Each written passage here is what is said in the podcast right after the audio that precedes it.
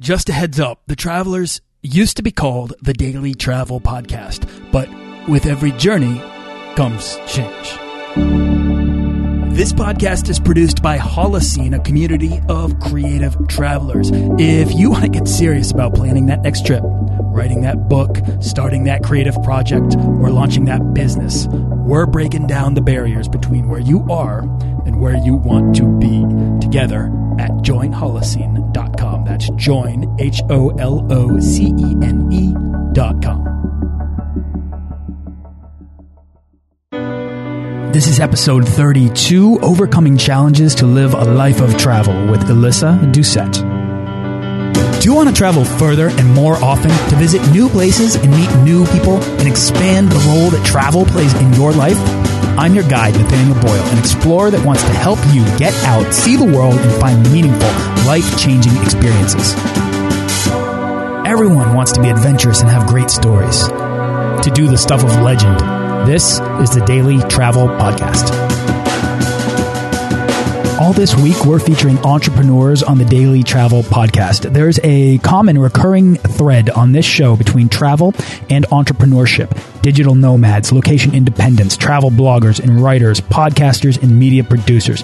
Many of these fascinating people have built travel into their daily lives on the success of their personal skills and businesses.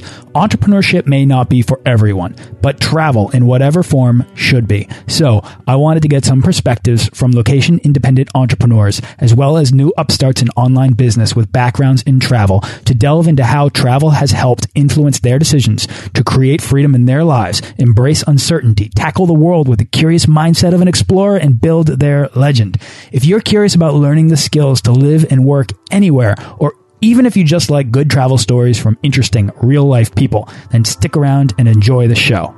Podcasts really depend on your input, particularly your reviews. And if you could leave me a review on iTunes, I would be forever thankful. I'll even feature your review on the show. So feel free to ask any travel question or leave your best travel tip, and I'll try my best to get it here on the show.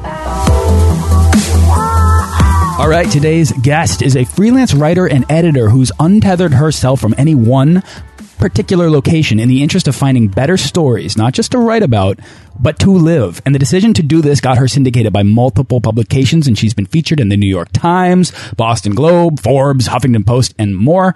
Uh, today, she's the managing director for Tropical MBA in one of my favorite places on this planet and um, any planet, really, Bali, Indonesia, maybe the greatest island there ever was. And in doing so, she is setting an example to help others live a fulfilling life. Now, Alyssa loves bacon and wants to change the world with words, and that is the loftiest of goals and one I admire. And I also love bacon. When I heard about her, uh, I was really excited to get her passion for shattering preconceived notions and limitations onto the show. So if you're listening and you want to find a way to travel more often, listen to how Alyssa Doucette gets it done. Alyssa, uh, welcome to the show.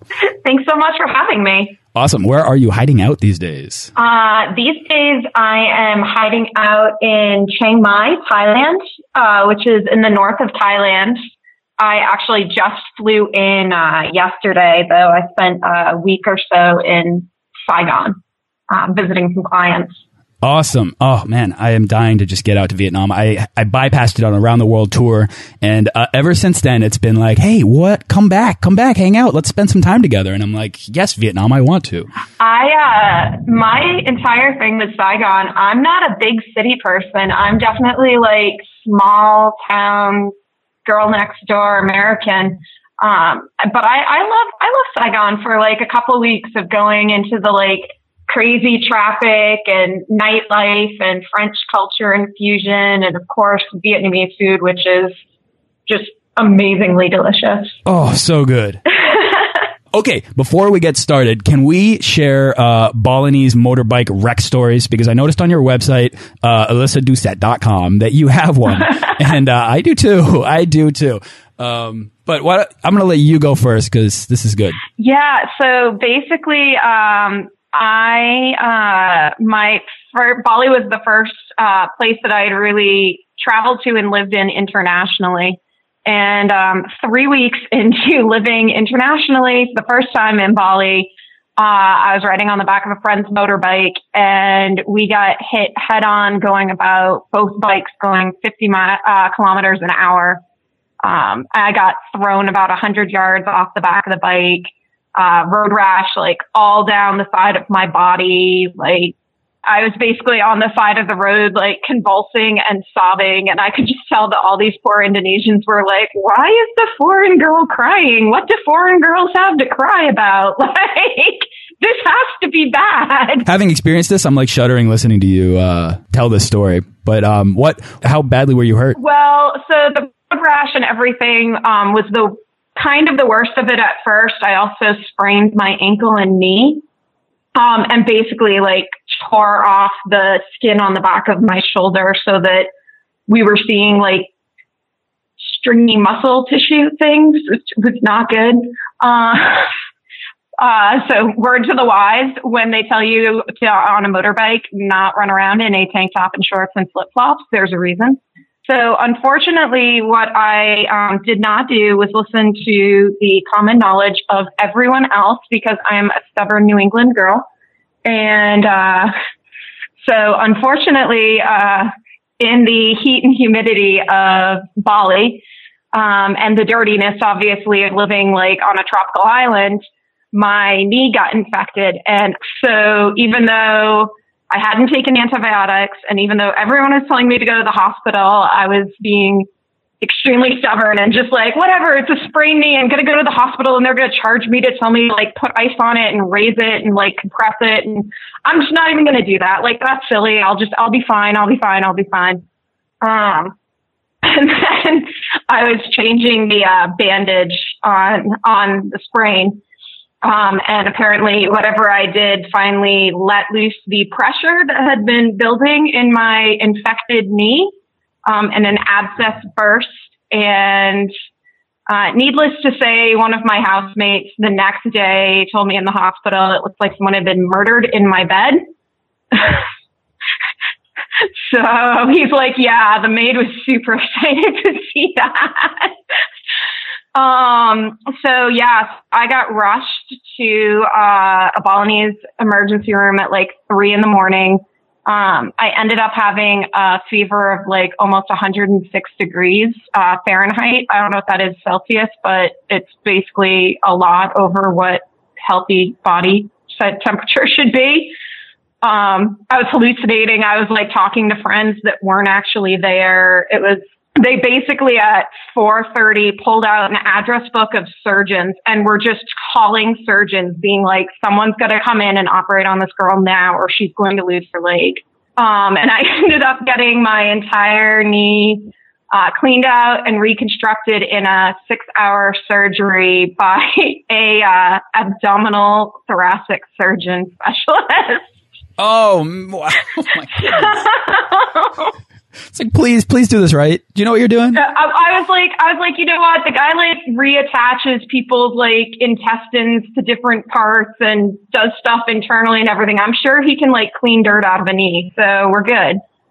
Uh, so yeah, so, uh, he did that. I, um, I stayed awake for the entire surgery, um, which was, uh, I basically decided that if I was going to be operated on in a foreign hospital, um, that I really had no idea what was happening. I probably had enough of a bet on the table that I shouldn't add full anesthesia to that.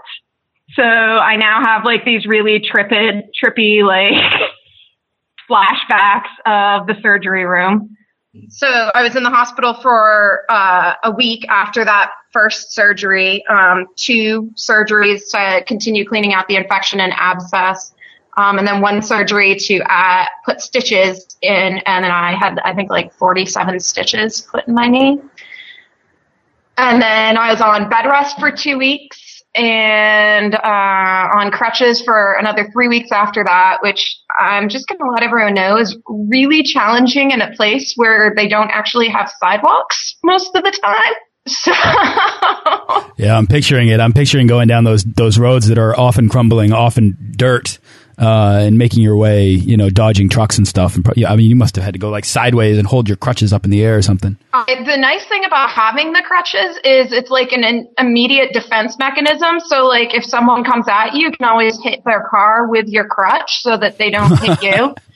Um, but I only had to do that twice. it's amazing. All right, so here's my story real quick because that man, that is all right. You suffered a lot more than I did. Um, it could it could have been as bad, but thankfully it was not. I was riding down at night through. Uh, I was near Amed Bali, which is up on the east coast, and um, this little fishing village. I was riding through, uh, kind of just I'd just gone for a night ride probably a dumb idea. Um, and I was kind of going along the road, and there was these kids that had lit a fire on the side of the road, and I kind of like you know turned to the left and looked at it because they're I wanted to know why they had a fire. Are they cooking? What are they doing? And I turned back to the road, and there's a brick wall like twenty feet ahead of me. And the road is like 90 degrees to the left. And so I hit the brake and the bike is not slowing down. I'm going too fast. So I have to hit the front the front brake it's my only, at least in the moment, I thought it was my only choice. And that sent me right over the handlebars, Superman through the air, belly flop right onto the pavement. Thank God I was wearing a helmet with a face mask because I remember my face hitting that cement and I just slid there. And yeah, road rash on the body, like right belly, chest, arms, knees got torn up. And I remember I just lay there like, I, I could hear the bike like smashing around behind me and I was just laying there on the side on the road in the middle of the road like oh my god what just happened and how bad is it? And all the villagers came around there. I must have been surrounded by like 30 people uh, all all Balinese and they were all like oh my gosh oh my gosh are you okay? Come with me come with me come with me. They're all like come with me come with me come with me.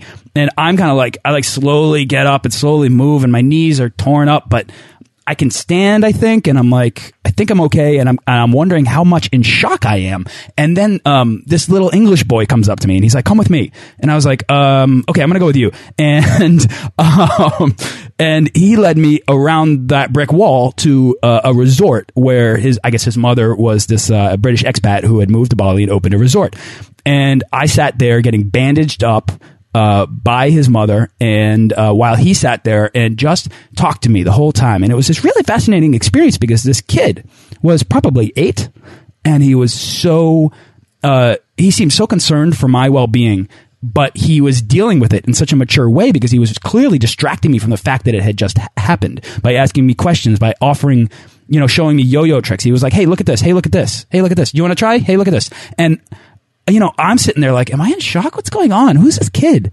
And to this day, I swear that kid helped me through this. And I think it's such a good example of the value of travel for uh, for for kids and for for families because this kid he's used to probably strangers coming and going from the resort and communicating with them and helping them you know and helping them get settled and uh, it, it was really it was really an important moment for me uh, in a time that really could have been really scary. I ended up going to the hospital, getting antibiotics. I'm also from New England, so I also did not take them, and um, uh, but the the lucky part is that I did not uh, I did not get an infection and I healed up. But um, Alyssa, if we ever get lucky enough to meet in person, we really need to compare scars. Okay, I, have never I've never compared scars with anyone. That's um I we can definitely do that. My my scars. Uh, I, I like to think of them as uh, as battle wounds, reminders that you know I, I'm a lot stronger than I sometimes, you know, feel like, obviously. I think we all have those moments when we, we, we get self-conscious and upset about something. And then I just look at my leg and realize one, I still have one. And, uh, actually I have two of them, which is, you know, the bonus part there. And, uh, and I have some pretty badass scars that even like locals look at and are like, wow, what happened to you? yeah, that sounds kind of crazy. Mine are on my knees. I think everything else is healed. But that's exactly it, Alyssa. Like, the you do get self conscious about things. You do kind of. I think everybody has moments of uh, self questioning their own self confidence or being upset about something, anything, any any little tribulation in in our daily lives. But travel, the value of travel, can oftentimes be about putting yourself in those challenging situations or those positions, whether or not it's you know intentionally like going on a trek or even just eating weird food or accidentally like getting flung 100 feet off of your motorbike. uh, but you know, the, it's the way you recover from those, or the way you respond and react and step up and meet those challenges that that give you that feeling that I know I'm always looking for when I travel, which is that knowledge that you just can't ever go back to being the person you were before you left because you've impressed yourself so much with what you're capable of. And uh, to me, travel gives us if if you if you're doing it right, if you're putting yourself out there and you're exploring the world, travel gives us that opportunity to really impress ourselves, build our confidence, and uh, and ask for more, ask for greater challenges, and explore the world further. Yeah, I'm uh, I, I'm really lucky. I frequently tell people because obviously after literally being three weeks into my first international trip ever, basically when I went in the hospital and got out of the hospital, I further New England stubbornness, I didn't call my parents to tell them that I was in the hospital. Um, because in my mind, it would have taken them a day to arrange the travel, they're flying from Portland, Maine, so it would have taken them three days to get there. I would have been getting released by the time they got there, and they just would have been worried the whole time because they wouldn't know what was going on because they'd be in the air. Absolutely. I didn't tell my family either when it happened. I didn't tell them maybe for a couple weeks later. And I think I might have told my girlfriend at the time, uh, who was back home in Boston. And I think I, I might have called her and said, you know what, this is what happened and I'm okay. I'm okay. Let me preface the story with saying I'm okay. But um, whereas with my family, I didn't want them to be any more concerned. I already heard the kind of um, uh, the reasons why they were hesitant to uh, encourage me to travel even to begin with. So I didn't want to tell them, "Hey, I mean, you're three weeks in. That's crazy." I was maybe six months in when this happened, but I still didn't want them to think, "Oh my God, he's out there risking his life every day, and it's dangerous." And because it wasn't, I just messed up one day, you know. I, I recognize that in some ways I'm um, extremely fortunate um, as compared to other travelers. Uh, by the time I did call my parents, I did the same exact phone call you did. I called my dad at work and I was like, all right, I just want to start this conversation by saying I'm okay. Yeah. I know that sounds a lot scarier than this call needs to be, but when you hear the rest of the story, I need you to know that the last point of the story is I'm okay. and then they're like, oh, what happened? And so I told him everything that happened and, uh, my parents, I mean, they were entire, they were so entirely supportive, you know, whatever you need to do, whatever you decide, we will make it happen you know, if you want to come home, we'll get on a plane and fly out there and come and get you. Cause I, I obviously couldn't fly by myself. They were like, if you want to stay there, like we'll continue whatever you need to do. Um, and then about like three or four days later, um, in one of those moments of, um, complete terror, I basically called my house, um, and like started sobbing uncontrollably to my dad. It was just basically like, I almost died. I almost lost my leg. I don't want to be here anymore. That's apparently the Thai skies agreeing with me. and, I know that. I like the, the thunder for the, the motion resonance there. And, uh, and my dad sat there and, uh, and he was like, you know what, Alyssa? Here's the deal. You are one of the strongest, most independent people I have ever known in my life. I'm proud that you're my daughter. If you're going to tell me that things are so bad right now that you're willing to give up on what you had planned to do, why you had moved out there, um, your kind of goals and plans for the next six months because you are so terrified and miserable, we will get on a plane and fly you home in the next four days but I don't think you're that person. And I was kind of like, fine, I'll stay in Bali.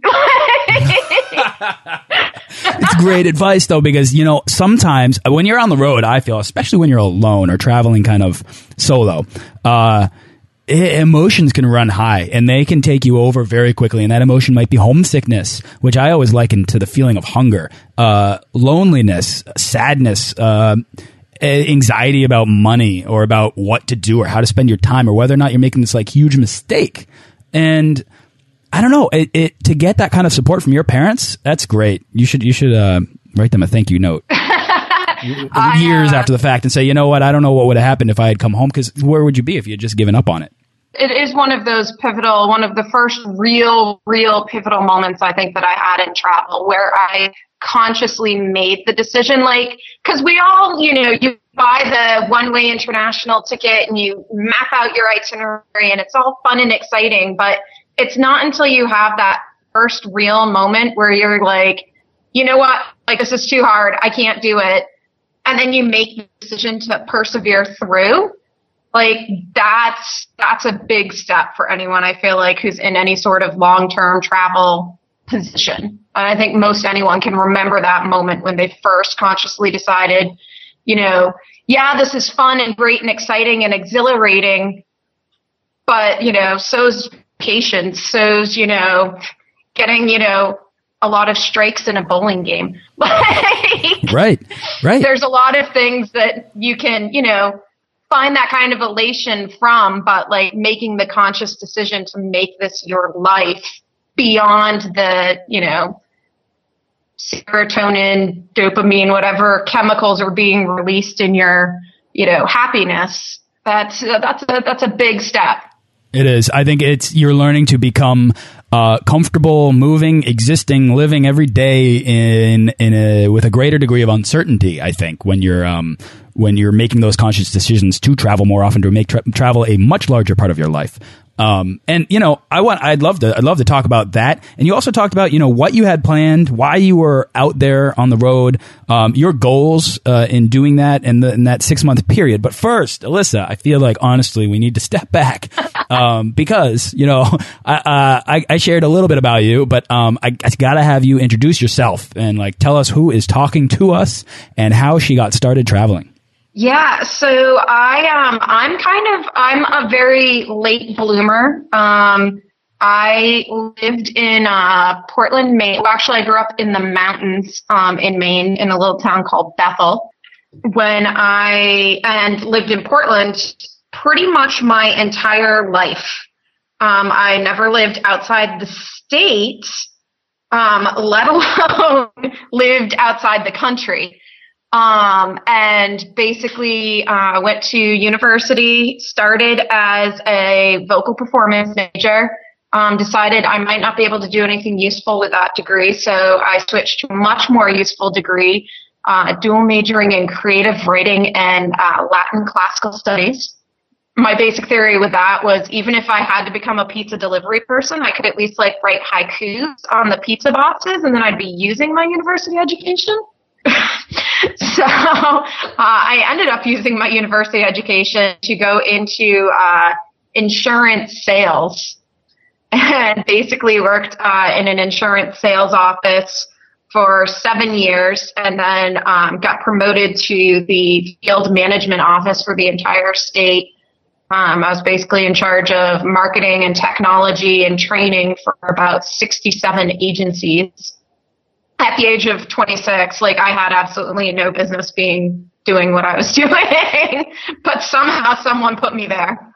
Um, it did that for a few years and then, um, then ended up kind of realizing that if that was going to be my career, I was going to have to commit to that being my career.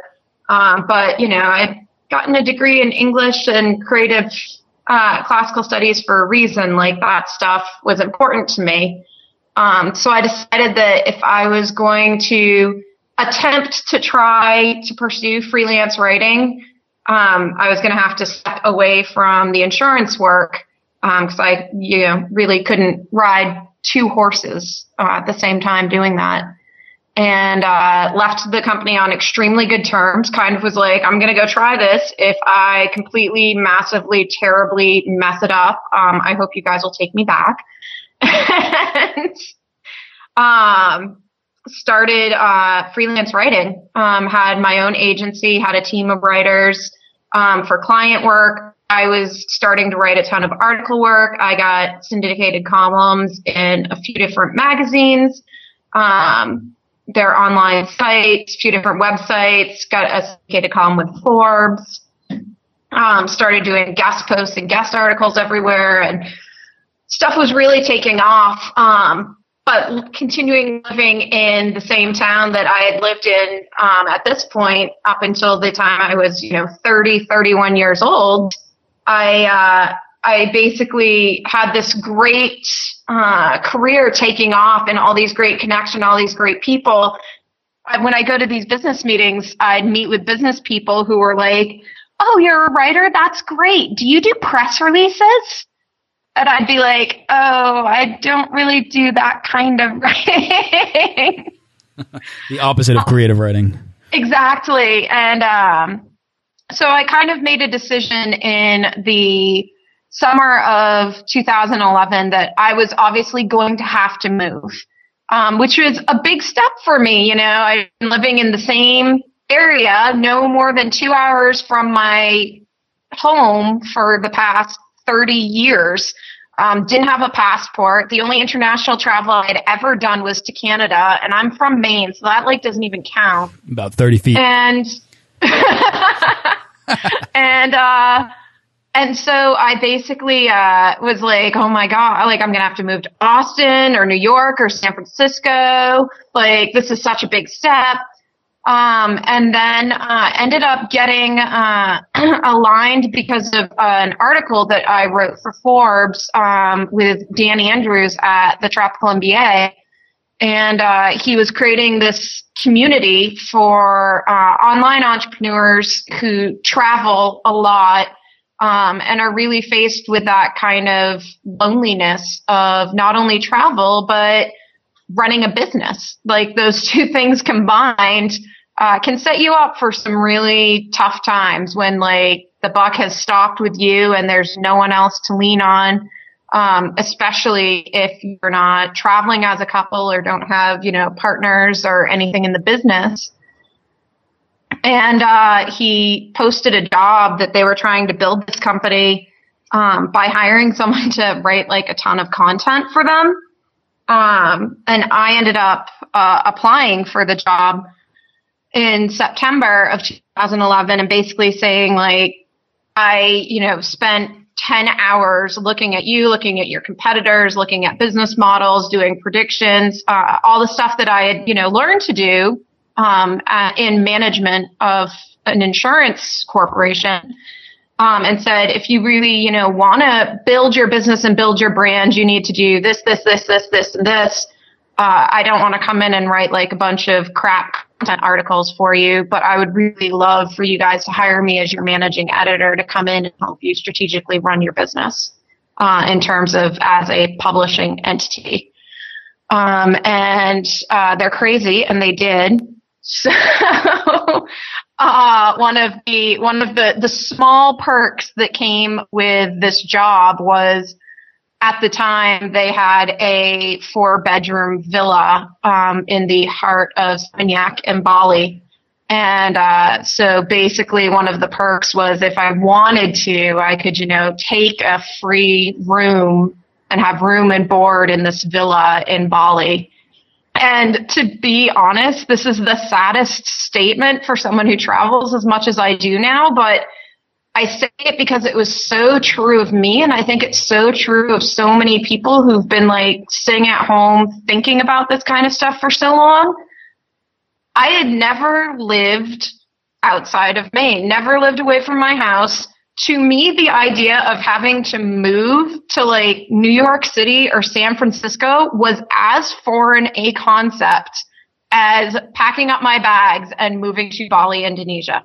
So fortunately, since I had already resigned myself to the fact and had like this 90 day, you know, come to Jesus conversation about moving to New York or San Francisco, then the next year I was just kind of like, eh, Bali's just a little further. like, that's no, that's perfect. I mean, that's the kind of almost like without knowing better, you just went for it. You just threw yourself into a far flung destination because why not? Why, if you're going to experience culture shock, you might as well challenge yourself. Um, exactly. Even, even further. Plus, you had this amazing opportunity. But I think it's really interesting. So, you know, you'd never lived outside of Maine. Um, and Maine's a wonderful place, but there's a big, big world that's very different from the, from Maine out there. And you had kind of accidentally or inadvertently become a, a, a, an insurance sales manager. And um, I'm just kind of wondering, like, then and then and then you splinter off because you because you were you know you wanted to do your own thing. You wanted to uh, foster your own writing skills, and I think that was the decision right there that really allowed you to untether yourself from a location. Um, and I'm not sure if that was your goal at the time, but I my question my question for you is: a lot of people dream to travel more, but they too easily put it off and and that that goes for like pursuing a career or pursuing goals that they want to, to, do. So in your case creative writing which then led to the ability to travel. So i'm just wondering what inspired you to make these decisions instead of just kind of staying complacent where you were. Were you kind of did you feel stuck with this company before with this insurance sales company or no uh, or is it something else no, I actually, I actually really liked my job um, as a sales manager. I uh, really, really thrive on working with entrepreneurs on their ideas and their sales and their strategy and um, helping them basically achieve the success that they want to achieve. Um, it's something I've always enjoyed doing. Um, and my brain thinks in a way that a lot of people's don't, in that I can very quickly go from a 20,000 foot strategic view straight down into the, you know, valleys, figuring out the systems and everything that you need to do to implement that and to get the results and the success that you want. Um, and I basically just kind of had gotten to the point where it wasn't necessarily that I didn't want to do that anymore. It was more so if I chose to do that, like that would be a pretty, in my mind, it was a pretty solid choice. You know, once I had committed to either opening my own agency for the company or starting to move up into more executive, you know, managerial positions, um, which were kind of the two options that had been laid out in front of me, um, I realized that, you know, both of those are, are long ball games. You, you, don't get into either one of those things being like, well, I'll try this out for like a year or two, and if it doesn't work, eh, we'll move on. Um, especially at the point in time that I was 29, 30, and, you know, had just invested 10 years into building this life for myself. So I kind of realized that again, like, uh, like, you know, calling my dad and being in that pivotal moment there, I kind of realized in this point where I had to make a decision, do you want to, you know, open your own insurance company or agency or do you want to open, move up into the corporate side of things and start, you know, pursuing the corporate ladder that way? That there was a, there was a very obvious third choice to me, not to them but the only way I could keep this third choice was if I made it in that moment. Um, and really, you know, tried it because if I went with any of the other two choice, you know, any of the other choices, I, I was kind of committing to, to something. So it kind of almost started with me being like, well, you know, it's worth a shot. Yeah, absolutely. Well, I mean, we'll see what happens. Going for it is going to be kind of the initial hurdle that I think a lot of people who want to integrate travel into their lives more is struggle with. And to get people on the show that have done it and, you know, have said, you know what, I, I, I hear this calling and I've got to answer it. Um, because you know, if you're just if you're just stuck doing kind of what's expected of you or what you've fallen into, you're going to be asking yourself what if for the rest of your life. And Elisa, how much happier are you now than you were in Maine at a job you were happy with? How much happier are you now that you've made those decisions and you've gotten you gotten to a point uh, in which travel has become a larger part of your life and you're working on the things that you are passionate about? I think that I I think it's kind of it's it's a different happiness almost because I have such a different set of uh, priorities. Um, like that's one thing I tell a lot of people who, um, cause I've been traveling solo for three years now. Um, I am one of the, uh, one of the, you know, talked about, uh, solo female travelers. And, uh, uh, so a lot of people criticize my travel, my ability to travel and my decisions to travel because I don't have any other commitments. Um, as I just said, I basically, basically came to a roadblock where I had to either choose to make a commitment or to run away and do my own thing. Um, and I, you know, chose to turn away and run away and do my own thing. Uh, right. which is uh, well, I I mean that's a commitment to yourself. It's, it's very, that's actually much more true is I am very, very committed to making sure that um, I'm doing stuff that's, that's best for me and best for the people closest to me and, um, makes me, you know, happy and makes me, you know, proud of myself at the end of the day.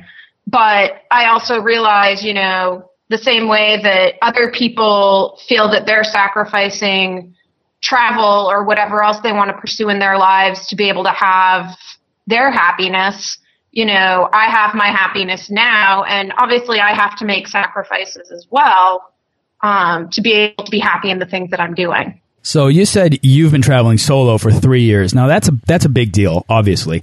And we've gone through this kind of story, this journey of your travels. I'm wondering, was there a moment in which you knew that you would never stop, and that that this lifestyle was working for you, and that you, that world exploration had become this this uh, new normal for you? To be honest, it be it became obvious to me when exactly as you said, it became the new normal for me. You know, I'd be walking down a street and um, and and shockingly, walking down a street, you know, in Thailand or in Bali or in Prague or in you know Costa Rica is that the, their streets they look different, but the action and the impetus are generally the same. You know, I walk down the street to go get a bottle of water, whether I'm at home or whether I'm on the road.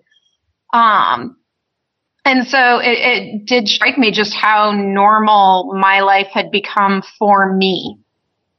Um, and I always, I always say to people that, you know, are saying to me, like, how do you do this? That's so, I'm just kind of like, I, I don't know. It's just, it just is. So it's just, it's just, I just live my life. I just happen to do it, you know, in different locations at different points throughout the year. Well, people think so definitively, I find, and it, and they want to hear the narrative that you know, I don't know, you were unhappy with your job and you broke away, and now you're living this life, and it's amazing and everything's wonderful. But the fact of the matter is, you're always in the moment, you're always in the present, and and and life is always life, right? So even if you're in far flung places having these uh, amazing experiences, you're still uh, concerned with the work that you need to do. You're still concerned with the career trajectory that you're on. You're still concerned with uh, seeing your family every once in a while. And uh, so it's it's always I find refreshing to hear the realities of the situation in which clearly you've made the right decision for yourself and you're happy and you're proud of it and that's why you're on this show.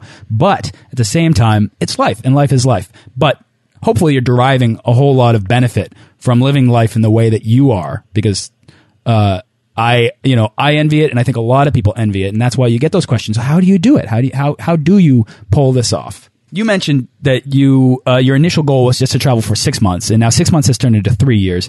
Um, what were your initial goals? The ones that you mentioned. What were you planning in that six months? To be honest, the six months that was the uh, that was the amount of time that I had a room in the villa in Bali. Um, so I knew that, you know, for working with these guys and for having that place, I would be there for six months.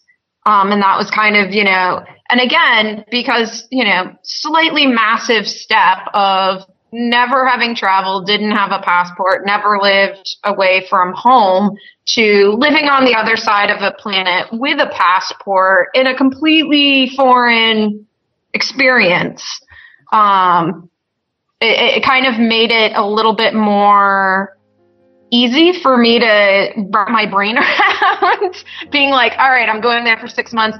And to be honest, I think it probably made it a lot easier for uh, all my friends and family who saw me doing this completely like ridiculous 180 on my life.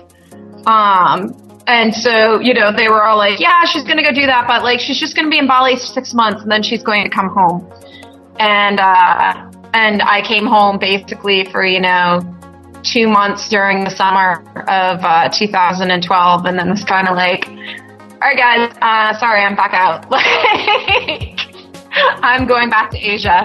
Did you get any pushback from your family at that point? Um, not not my immediate family. Um, it's it's another, as I said earlier. Um, I realized that actually very similar to the fact that um, I frequently tell everyone and uh, should have mentioned this previously. Not everyone gets in motorbike accidents on the road, so people listening to this should not think that they are going to get horrifically maimed and killed on a motorbike.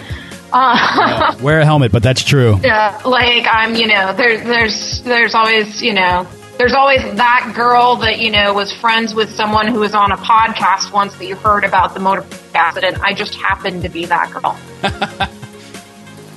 You have been listening to the first part of an inspiring conversation with Elisa Doucette. Tune into tomorrow's episode where we delve into how Elisa was able to create her life of travel and we'll get her best travel advice, which you won't want to miss because Elisa really nails it.